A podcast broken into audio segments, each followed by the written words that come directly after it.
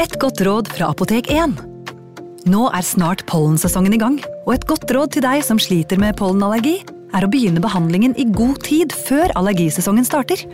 Da får du nemlig enda bedre effekt av legemidlene, og så blir ikke våren din helt ødelagt. Kom innom og få råd på ditt nærmeste Apotek 1, eller chat med oss på apotek1.no. Apotek 1 vår kunnskap, din trygghet.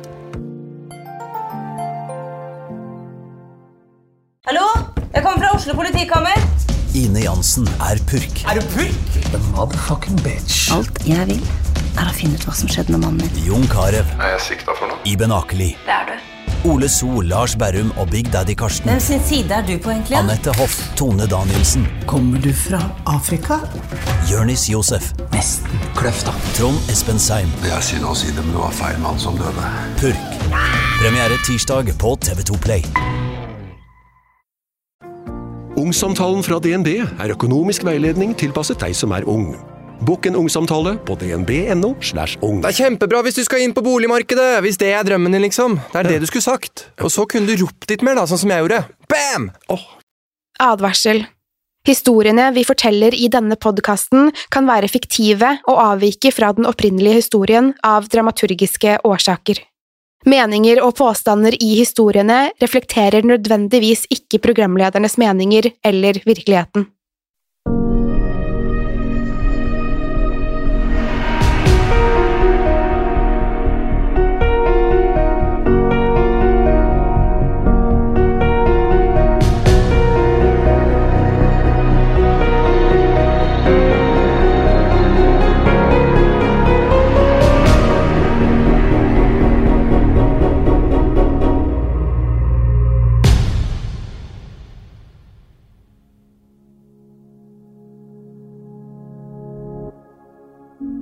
Hadde egentlig ikke tenkt til å fortelle denne historien.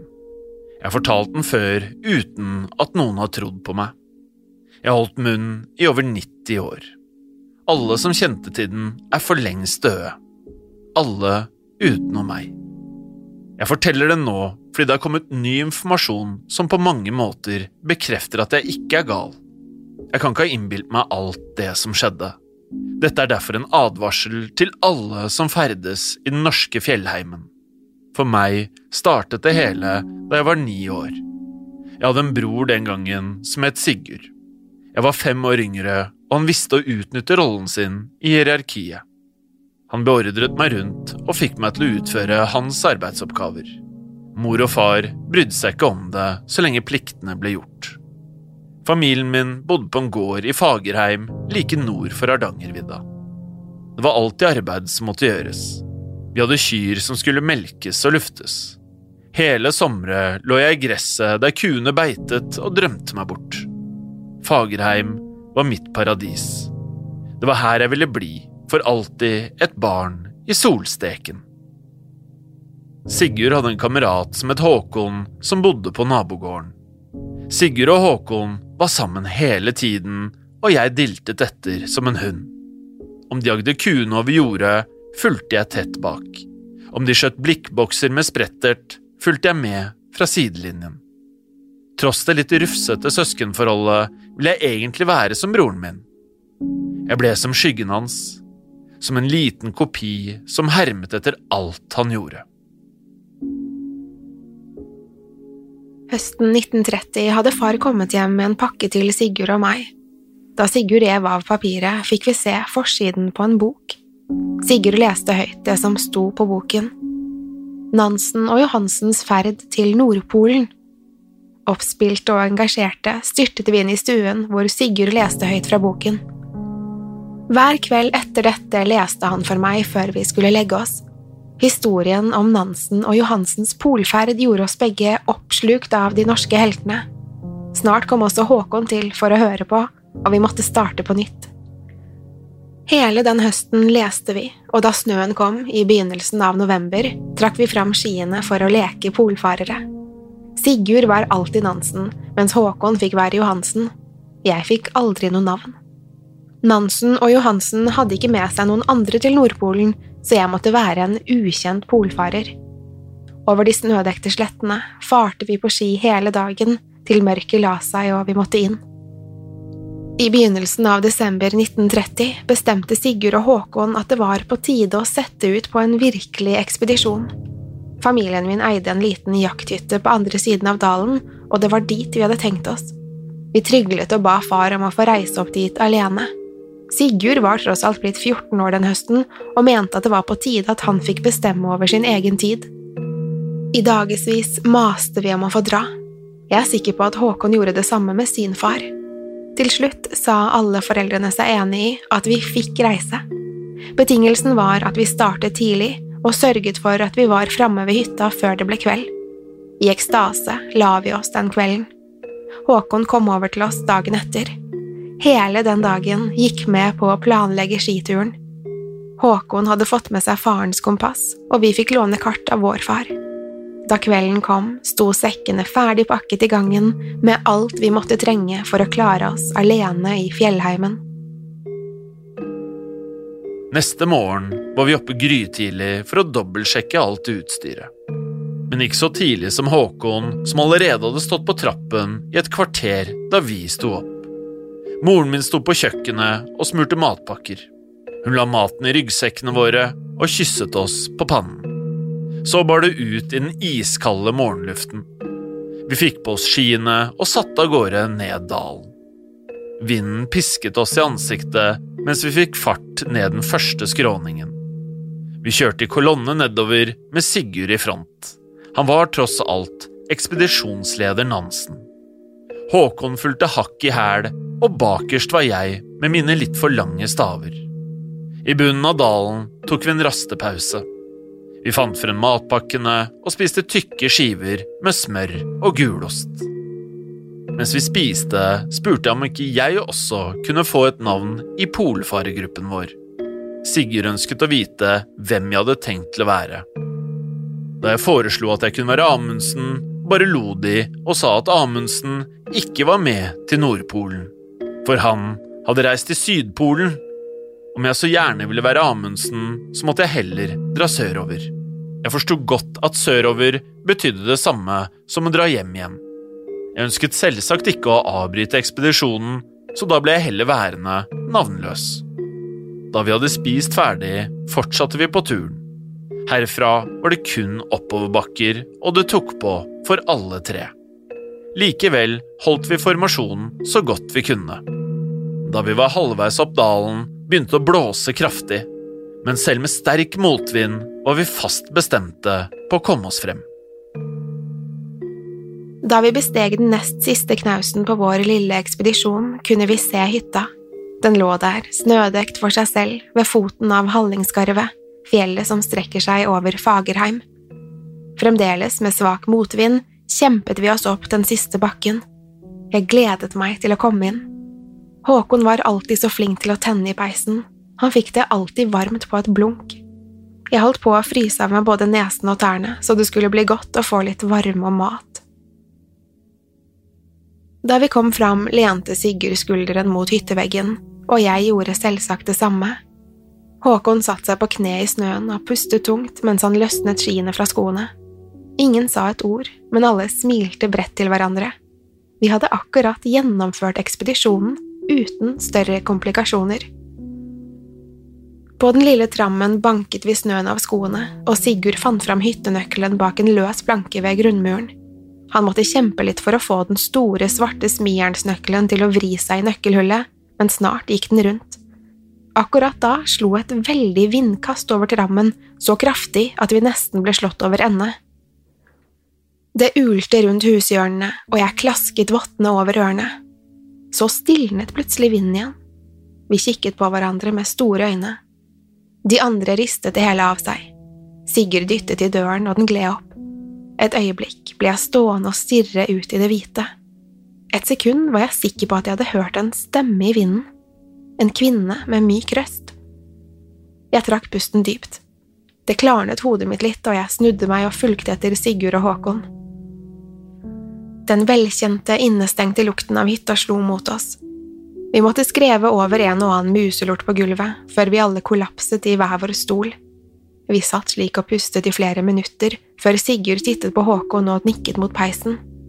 Håkon forsto straks hva han mente, og skjøv seg opp fra stolen og skredet mot peisen. Før jeg rakk å reagere, hadde han fått i gang en liten flamme, og snart ble rommet fylt av varm glød. Lukten av bjørkeved fylte nesen, og jeg følte meg døse i stolen min. Resten av den kvelden brukte vi til å spise opp resten av matpakkene, mens vi spilte yatzy og fortalte vitser. Da natten kom, hadde jeg sovnet i stolen min. Sigurd ristet meg våken og tok meg med til køyesengene som sto i et eget rom. Jeg kastet meg ned i sengen og var like ved å sovne igjen. Med øynene på gløtt snudde jeg meg med ryggen mot veggen. Plutselig sperret jeg opp øynene. Gjennom det mørke vinduet på soverommet var jeg sikker på at jeg hadde sett et ansikt. Jeg hadde kun sett det et halvt sekund, men jeg var ikke i tvil om at det hadde vært noen der. Det var en kvinne med langt, blondt hår, og hun hadde stirret rett på meg. Selv gjennom stormen og mørket hadde jeg sett henne klart som dagen. Det var som hun lyste opp. Jeg kom meg opp av sengen og gikk bort til vinduet. Når jeg så ut, var det ikke noe å se. Fra stuen kunne jeg høre Sigurd og Håkon prate lavt sammen. Jeg snudde på hælen og løp ut av soverommet mens jeg ropte på Sigurd. Da jeg fortalte hva jeg hadde sett, kikket de rart på meg. Sigurd sa at jeg måtte ha drømt det, og at det ikke var noen andre enn oss der oppe. Den nærmeste bebyggelsen var vårt eget hus på den andre siden av dalen. Jeg ga meg ikke og begynte å beskrive kvinnen. Da reiste Sigurd seg irritert opp fra stolen og sa at han gjerne kunne bli med ut og sjekke. Jeg ønsket først ikke å bli med. Selv om kvinnen ikke hadde virket truende, ville jeg ikke se henne igjen. Men Sigurd klarte å overtale meg. Om jeg skulle få sove igjen, måtte jeg få bekreftet at det ikke var noen der ute. Vi kledde derfor på oss og gikk ut. Vel ute ble vi møtt av sterk vind og snøvær. Gjennom den dype snøen tråkket vi bort til soveromsvinduet, uten at vi kunne se noe som helst. Der kan du se, det er ingen her. Sigurd måtte rope for at jeg skulle høre ham. Jeg insisterte på at jeg hadde sett kvinnen, men da pekte Sigurd ned i snøen som var utenfor vinduet. Han sa at det ville vært spor i snøen om det hadde vært noen der. Jeg kikket ned, og ganske riktig, snøen lå helt uforstyrret under vinduet. Forvirret fulgte jeg til Sigurd tilbake. Vel inne spurte Håkon om vi hadde sett noe. Han flirte hånlig da vi ristet på hodet. Da jeg la meg igjen, sørget jeg for å ha ryggen til vinduet. Det hadde stått en kvinne der. Det var jeg helt sikker på. Jeg falt etter hvert inn i en dyp søvn. Jeg merket ikke engang at de andre kom og la seg. Det var bare én køyeseng, så Håkon klatret opp i overkøyen mens Sigurd dyttet litt på meg for å få plass sammen med meg. Jeg sov urolig den natten og drømte om kvinnen. I drømmen sto jeg alene ute i snøen. Vinden kastet seg rundt meg, og jeg var stivfrossen. Plutselig sto hun foran meg. Det lange, lyse håret rakte henne til midjen og glødet som solen. Hun var så vakker, den vakreste jeg noensinne hadde sett. På seg hadde hun en lang, hvit kjole med bare skuldre. Selv i den bitende kulden så hun ikke ut til å fryse. Hun nærmet seg med et betryggende, nesten moderlig smil, og jeg slappet av med det samme. Hun kom helt bort til meg, og jeg kunne kjenne varmen fra kroppen hennes, som en sommerdag ute på beitene. Hun bøyde seg ned mot meg og hvisket noe jeg ikke kunne forstå. Så snudde hun seg og gikk sakte bort fra meg, på bare føtter i snøen. Jeg kjente med det samme at kulden snek seg på igjen. Forfjamset ble jeg stående igjen og se etter henne. Plutselig snudde hun hodet mot meg og sa med en fløyelsmyk og varm stemme, Følg meg. Jeg bråvåknet av at det knirket i sengen. Jeg åpnet øynene og forsøkte å få dem til å venne seg til mørket. Jeg snudde meg i sengen, men da jeg strakk armen ut, var det noe som manglet. Jeg kjente etter Sigurd i sengen, men han var ikke der. Var det blitt morgen allerede? Det var jo bekmørkt ute enda, så det kunne ikke stemme. Jeg hveste Sigurds navn gjennom mørket, men fikk ikke noe svar. Fortumlet kom jeg meg ut av sengen og snublet nesten i noen klær på gulvet.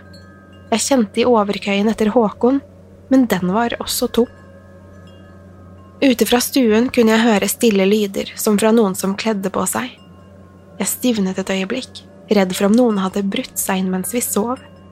Forsiktig snek jeg meg mot soveromsdøren. Jeg visste hvor alle gulvplankene som knirket var, og steg varsomt over disse. Ved døråpningen ble jeg stående og lytte. Fremdeles hørtes det ut som om noen rotet med yttertøyet vårt der ute. Forsiktig stakk jeg hodet ut av åpningen og kikket ut i stuen. Der, ved inngangsdøren, sto Sigurd og Håkon. De dro på seg ytterjakker, sko og votter. Jeg ble stående forundret igjen før jeg våknet til. Jeg stormet ut i stuen og spurte hvor de hadde tenkt seg, om de hadde tenkt å forlate meg her på hytta. De sa ingenting. De så ikke på meg engang. Igjen beordret jeg dem til å svare på hva de holdt på med. Min plutselige strenge mine skremte meg litt. Jeg hadde aldri pratet sånn til broren min før, men de ignorerte meg fremdeles. De så ikke engang på hverandre, bare kledde seg i stillhet. Nå ble jeg stående og stirre på de merkelige scenene som utspilte seg foran øynene mine. De hadde begge fjerne uttrykk i ansiktene. De hadde åpne øyne, men blikkene var tomme, som om de gikk i søvne. Jeg klarte ikke å røre meg, bare sto der med munnen åpen. Da de var ferdig påkledd, tok Håkon tak i dørhåndtaket og rev døren opp. I et øyeblikk ble de stående i åpningen mens snøføyken blåste inn i hytta. Jeg måtte myse for å se hva som foregikk. Så vandret de begge ut i natten. Vinden ulte, og kulden drev inn i hytten. Like før døren ble lukket bak dem, kunne jeg høre en stemme. Den ble båret inn i hytta av vinden som et ispust. Følg meg. Skrekkslagen sto jeg der etter alt jeg hadde hørt og sett. Så fort jeg klarte det, fikk jeg på meg jakken, skoene mine og luen. Så dro jeg opp døren, løp ut og kikket vilt rundt meg. Det var så godt som umulig å se noe som helst i stormen. Snø og vind slo imot meg, og kulden trengte seg inn gjennom jakken min. Fra trammen fikk jeg plutselig se at Sigurd og Håkons ski var forsvunnet. Bort fra hytten gikk det to sett med skispor. Jeg forsøkte å få på meg skiene mine før sporene forsvant, men bindingene var fulle av snø, og fingrene mine var i ferd med å fryse til is. Det var håpløst. Jeg la igjen skiene og fulgte etter sporene til fots. Snøen var så dyp at jeg tråkket igjennom på hvert annet steg. Gjennom stormen kunne jeg se ryggen på en av guttene, men de holdt et langt høyere tempo. Jeg kavet meg gjennom snøen mens jeg ropte etter broren min. Jeg ba dem stoppe, snu, vente på meg, bare svare meg, men ingen av dem kom tilbake. Jeg hadde ingen anelse om hvor vi var men snart begynte vi på en lang oppoverbakke. Det virket som vi var på vei mot Hallingskarvet. Noe måtte være forferdelig galt. Sigurd og Håkon var da ikke så tankeløse at de ble dratt til fjells i dette været. Jeg ble nesten slått over ende av vinden, og igjen hørte jeg kvinnestemmen fra fjellet. Følg meg. Kvinnen i drømmen hadde sagt akkurat det samme. Følg meg. Videre oppover bar det. Jeg var nær ved å kollapse av utmattelse. Jeg ante ikke hvor lenge jeg hadde gått, men jeg kunne ikke stanse.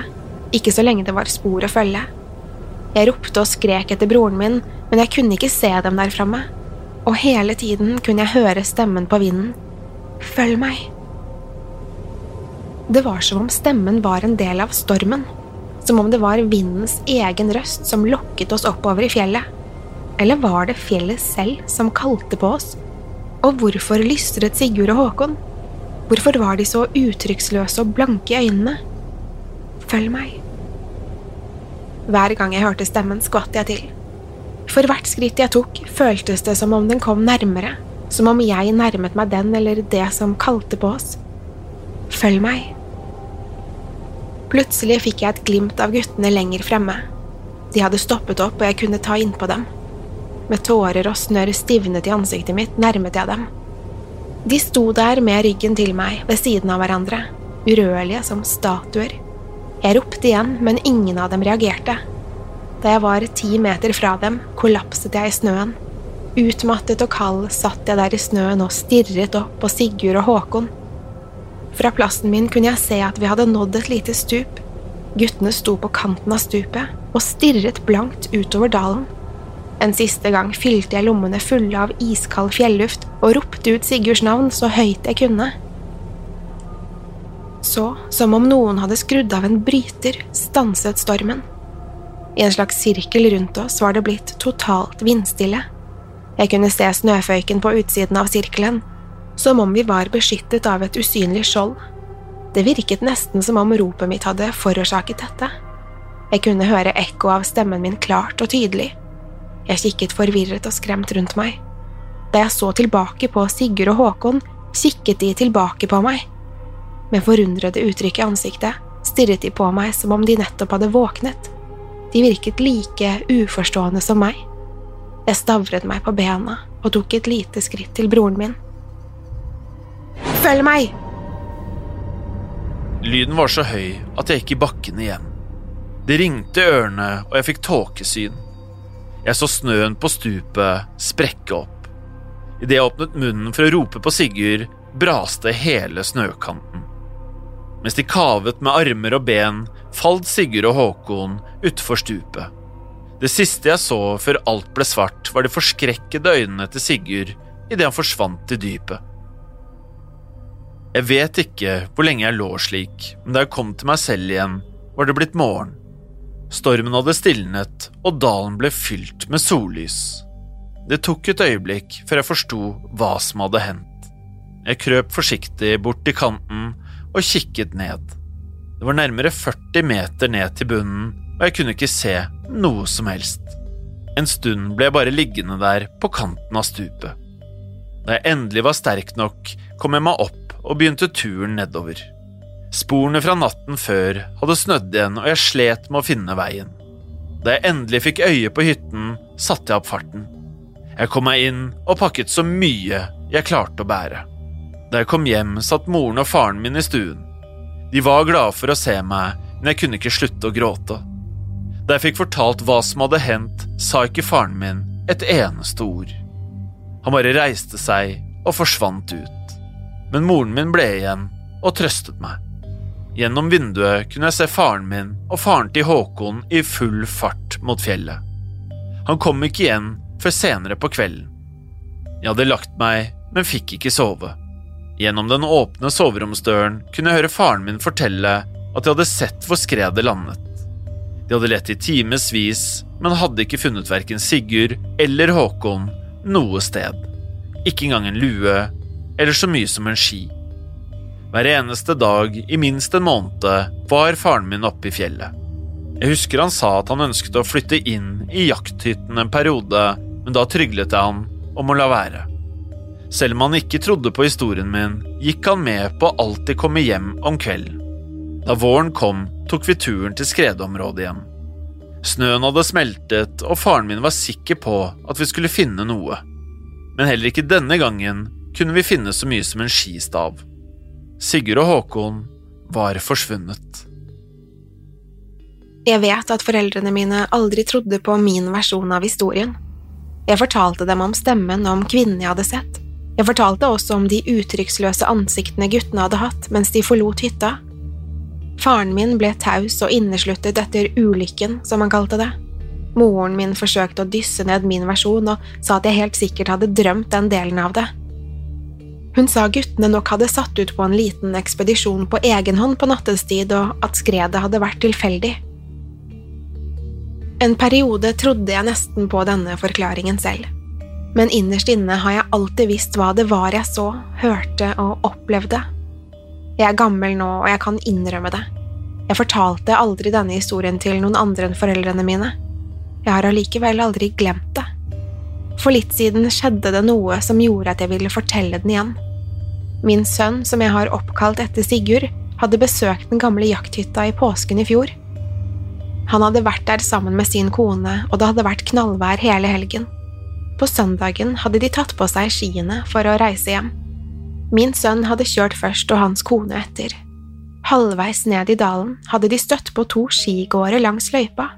De var ganske unge, fortalte han meg, og de hadde hilst pent da de møttes, slik man gjør på fjelltur. Det min sønn riktignok hadde stusset litt på, var at guttens utstyr var av det eldre slaget. Treski og bambusstaver. Klærne deres virket også utdaterte.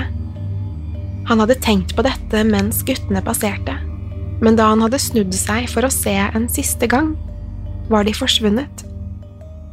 Jeg er ikke i tvil om at sønnen min så Sigurd og Håkon. Om du noen gang befinner deg i Fagerheim og tar en skitur opp til Hallingskarvet, skal du være veldig forsiktig. Noe ondt lurte broren min og vennen hans til døden. Noe som kan fremstå som vakkert, mildt og vennlig, men også djevelsk forlokkende. Jeg har mange ganger fundert på hvorfor jeg ikke reagerte på samme måte.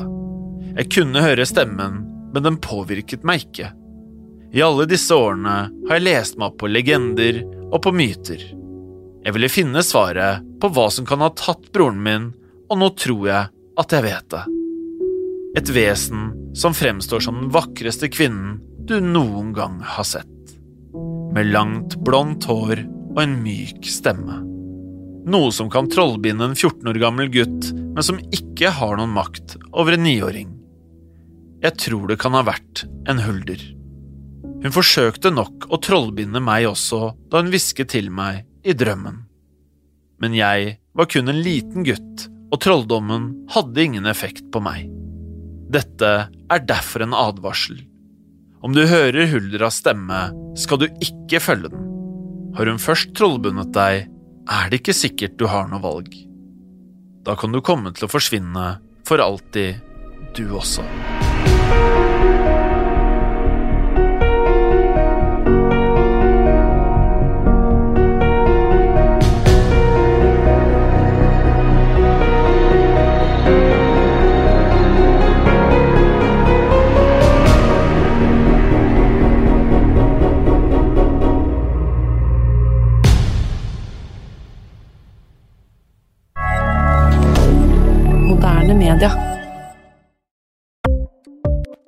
Ukens annonsør er Folio, en smartere banktjeneste for deg som har en egen bedrift eller ønsker å starte for deg selv. Folio er en superenkel nettbank for bedrifter. Som kunde i Folio får du en bedriftskonto med et bedriftskort og app. I denne appen er det smarte løsninger som forenkler regnskapet ditt, uansett om du har en liten bedrift eller et enkeltpersonsforetak. Folio er både intuitivt og brukervennlig, og er laget med et enkelt språk. I tillegg tilbyr de forutsigbare priser og ingen skjulte gebyrer. Skulle du likevel trenge det, så kan du snakke med deres raske og hyggelige kundeservice, og der får du prate med en faktisk person og ikke en chatbot. Folio er med andre ord både enklere og koseligere enn banken. Over 10 000 bedrifter har allerede valgt Folio som sin banktjeneste, så besøk folio.no og se hvordan Folio kan forenkle din hverdag også. Har du et enkeltpersonforetak eller en liten bedrift? Da er du sikkert lei av å høre meg snakke om hvor enkelt det er med kvitteringer og bilag i fiken, så vi eh, gir oss her, vi. Fordi vi liker enkelt. Fiken superenkelt regnskap. Kiwi er billigst i VGs matbørs og har vært billigst i fire av de fem siste VGs matbørser. Og nå presser vi prisene på frukt og grønnsaker. På 200 gram broccolini setter vi prisen til 24,90. På 400 gram Cevita blåbær setter vi prisen til 49,90. Og husk, alle Kiwi Pluss-kunder får i tillegg 15% trumfbonus på all fersk frukt og grønt. For det er vi som er prispresserne. Og vi i Kiwi gir oss aldri på pris.